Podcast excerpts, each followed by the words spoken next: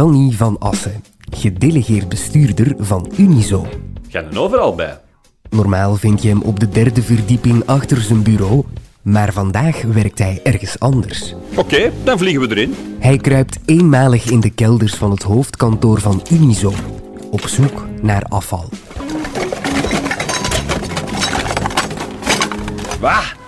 Stinken. Gooien mensen toch allemaal weg? Spullen die we massaal weggooien, maar die ondernemers kunnen hergebruiken. Maar allee. En dat gaan we doen in deze podcast. wat is dat hier? Ah, krijt. Dat is een krijtje. Iedereen Circulair.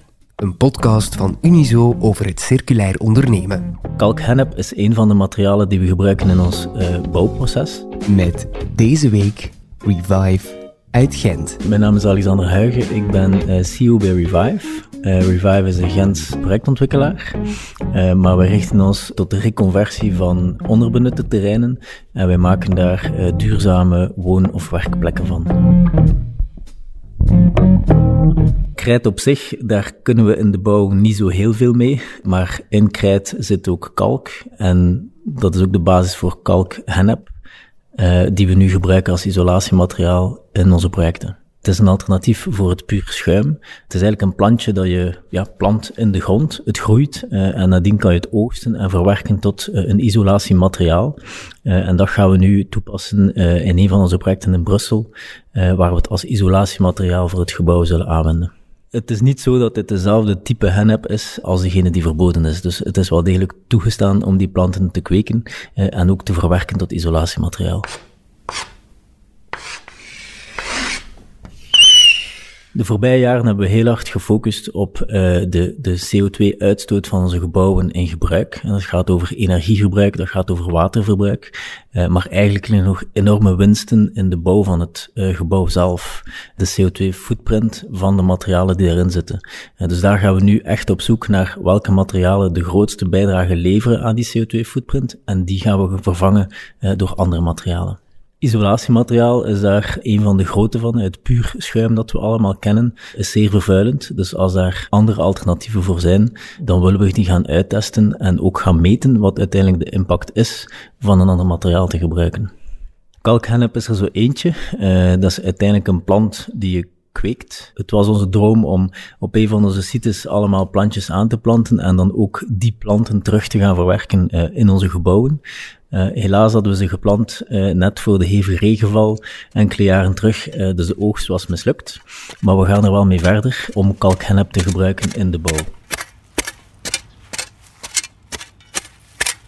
Het is niet zo dat de kalkhennep CO2 uit de lucht haalt, maar het is een alternatief voor het puur schuim. En het puur isolatiemateriaal is uh, heel vervuilend, uh, ook in het productieproces van dat puur schuim. En door kalkhennep uh, te gebruiken in plaats van puur, vermijden we eigenlijk het productieproces van puur, die heel belastend is. En doordat we de kalkhennep zelf kweken en dan verwerken, is de voetafdruk van die kalkhennep vele malen lager dan van puur schuim. Van bij de start was dat de insteek. Als we dan uh, oude fabrieksterreinen reconverteren naar nieuwe woonwijken, laat het ons meteen goed doen. Uh, laat ons ons steentje bijdragen om klimaatverandering tegen te gaan. Want de omgeving waarin we wonen en we werken, uh, heeft gewoon een enorm grote impact op onze totale CO2-voetafdruk.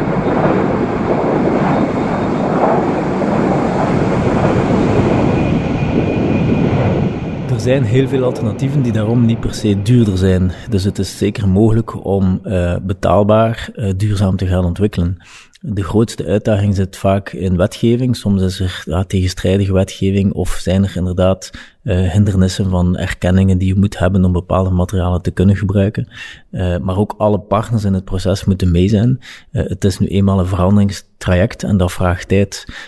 maar beetje bij beetje slagen we er wel in om structurele verbeteringen te realiseren. Steeds vaker zien wij geïnteresseerde kopers voor onze projecten die echt bewust uh, vanuit die insteek om zelf ook uh, duurzamer te gaan wonen, kiezen om een Revive project uh, te willen bezoeken.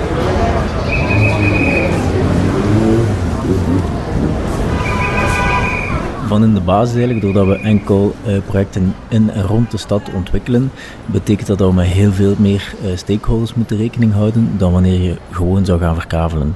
Uh, maar in dat proces willen we ook teruggeven, zowel aan de buurt, maar ook aan de maatschappij als zijn geheel. Zo hebben wij bijvoorbeeld in de voorbije tien jaar enkel nog gasloos ontworpen. En is het ook onze ambitie om gewoon wijken te kunnen maken die volledig gedeconnecteerd zijn en zelfvoorzienend zijn. Wij ontwikkelen in de stad, dat is een plek die een zekere historiek heeft. En je kan niet zomaar toekomen en tabula rasa doen. Je wil ook een beetje dat verhaal in leven houden. Veel mensen die in die wijk wonen, hebben misschien nog gewerkt op die plek. En die vinden het ook tof om ergens dat aanknopingspunt te hebben. En dan maakt de stad ook een stukje wat ze is, denk ik. Het bedrijf is opgericht door eh, Nicola BRL, die zelf uh, architect is. In vorige job was hij betrokken bij een saneringsbedrijf uh, om zo vervuilde gronden terug proper te gaan maken. Maar vanuit zijn insteek als architect wil hij eigenlijk het volledige traject van sanering, maar ook herontwikkeling aanpakken. En zo heeft hij Revive opgezet.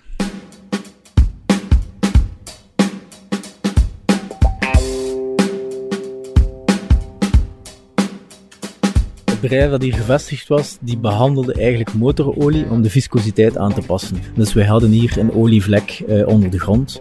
Die hebben we natuurlijk gesaneerd uh, en nu is dat terug een proper terrein. Het was een bestaande oude loods. Uh, de gevels hebben wij bewaard, maar wij hebben het volledig duurzaam gemaakt. Het gebouw is volledig gewarmd op geothermie, dus met warmtepompen. maar het heeft nog dezelfde vorm en dezelfde uitstraling als het oude fabrieksgebouw. Wij zitten zelf met onze eigen medewerkers in een deeltje van het gebouw. Wij verhuren uh, privatieve ruimte aan andere uh, bedrijven. En dan hebben we een hele uh, reeks collectieve voorzieningen die wij delen met alle huurders. Zo hebben een aantal kitchenettes, hebben we douches. als we over de middag even willen sporten, kunnen we een douche nemen.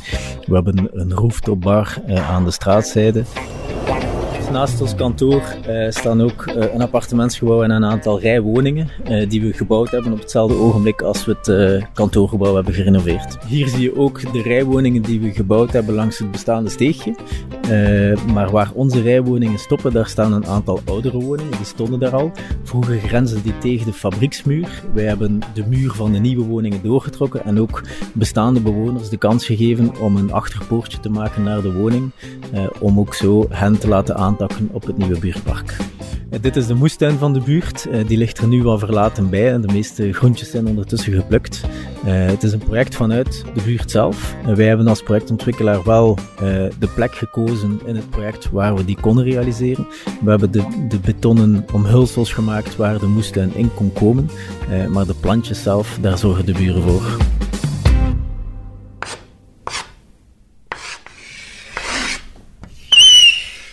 Onze projecten zijn altijd gemengde projecten. Wij ontharden altijd. Oude fabrieksites zijn vaak volledig verhard. In een nieuwe woonontwikkeling wil je sowieso een stukje groen.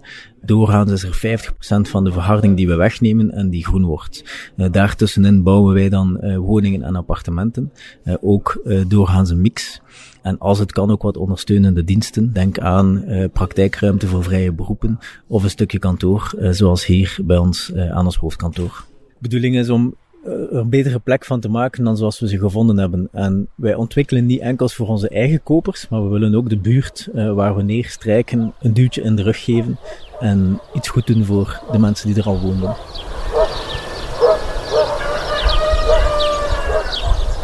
Een van de voorbeelden is bijvoorbeeld onze buurtschuur. Binnen onze projecten uh, maken we een ruimte uh, die we deels afwerken. Er komt uh, keuken in de sanitair. maar de invulling van die ruimte die laten wij aan de buurt. Wij begeleiden ook de buurt om daar een functie aan te geven. Ze maken zelf regels over wanneer en hoe die kan gebruikt worden. Maar dat, dat kan een extra ruimte zijn om een verjaarsfeestje te organiseren, maar evengoed voor een buurtbijeenkomst op te zetten. En op die manier willen we eigenlijk de sociale cohesie in de buurt uh, gaan versterken, mensen dichter bij elkaar brengen, eenzaamheid tegengaan en zo ook uh, sociale impact gaan creëren op wijkniveau.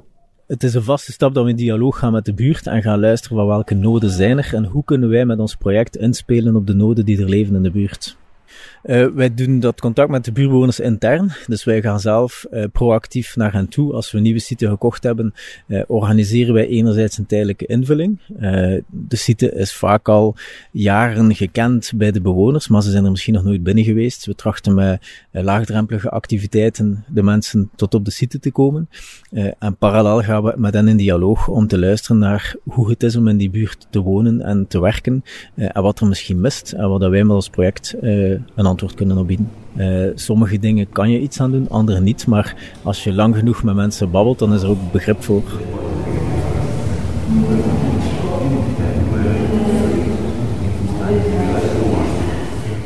België was binnen Europa het land met de eerste uh, bodemwetgeving. Omdat we zo'n klein land waren, hebben we heel snel bewust omgegaan met hergebruik van gronden. Uh, wat maakt dat wij ook heel snel brownfields zijn gaan ontwikkelen. en de buurlanden en daar nog verder van zijn ze daar nog maar zeer recent mee bezig. Omdat de steden veel uitgestrekter waren en er waren nog veel meer uh, groene terreinen die ze konden aansnijden. En nu merken ze dat als ze verder willen ontwikkelen, ze ook die verontreinigde terreinen moeten aanpakken.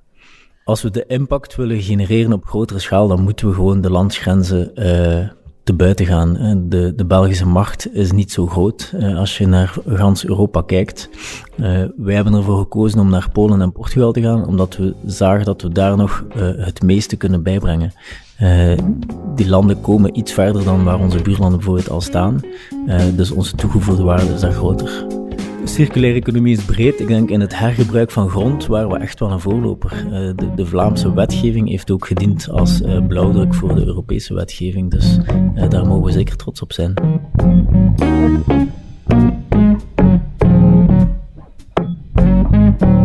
Dit was de voorlopig laatste aflevering van Iedereen Circulair. Een podcast van Unizo voor Dag van de Ondernemer. Deze aflevering werd gemaakt door Laurens Bervoets en Lucas Medaar. Hulp bij deze podcastserie kregen we van Babette Plesser, Philip Horemans, Jurgen Muis, Katrien Timmermans, Tino Bidelo en Fien Colson. Ook een dankjewel aan de circulaire ondernemers die hun verhaal met ons wilden delen. Wil je zelf starten met ondernemen? Of wil je lid worden van Unizo? Surf dan naar www.unizo.be of volg ons op sociale media. Wil je iets kwijt over deze podcastserie? Dat kan via podcast.unizo.be.